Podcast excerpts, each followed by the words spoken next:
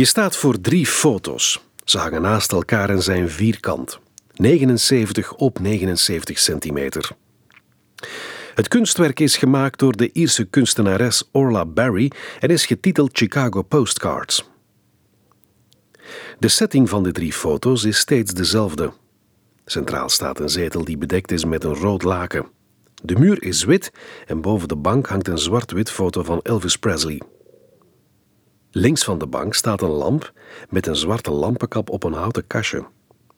Rechts een etagère met bovenop een vaasje met bloemen. De personages op de drie foto's veranderen elke keer van houding of van outfit. Op de eerste foto zie je drie personen die ontspannen op de rode zetel zitten.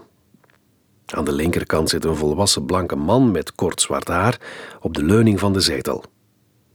Hij draagt een blauwe jeansbroek en een grijs t-shirt met een zwarte kooltrui eronder. Zijn blik is ontspannen en hij tuurt naar rechts in de verte.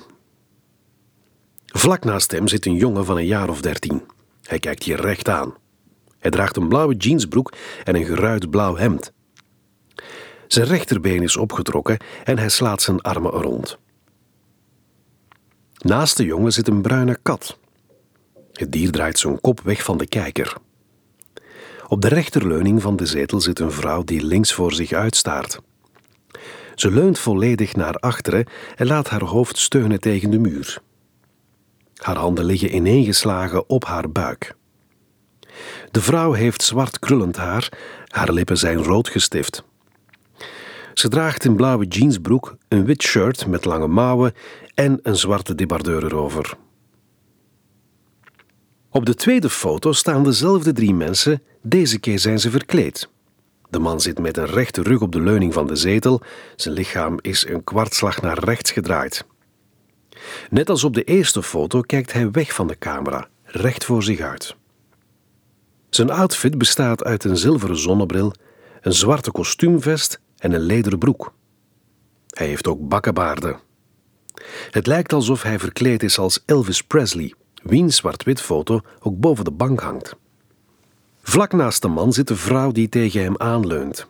Ze legt haar hand op zijn knie en hij legt zijn rechterhand op haar hand en zijn andere hand over haar schouder.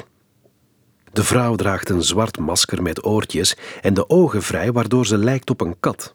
Ze draagt een blinkende blouse met donkergroene schijn en daaronder een strakke lederen broek en zwarte schoenen. Op een indringende manier kijkt ze je aan. Naast haar staat de jongen van de eerste foto, maar je zou hem bijna niet herkennen, want hij is verkleed als vrouw. Hij draagt netkousen, een korte jeans, short en beige lederen hakken. Daarboven heeft hij een blouse met kleurrijke bloemenprint aan en zijn buik is bloot. Hij draagt een strakke zwarte ketting en aan zijn oor hangt één grote oorbel.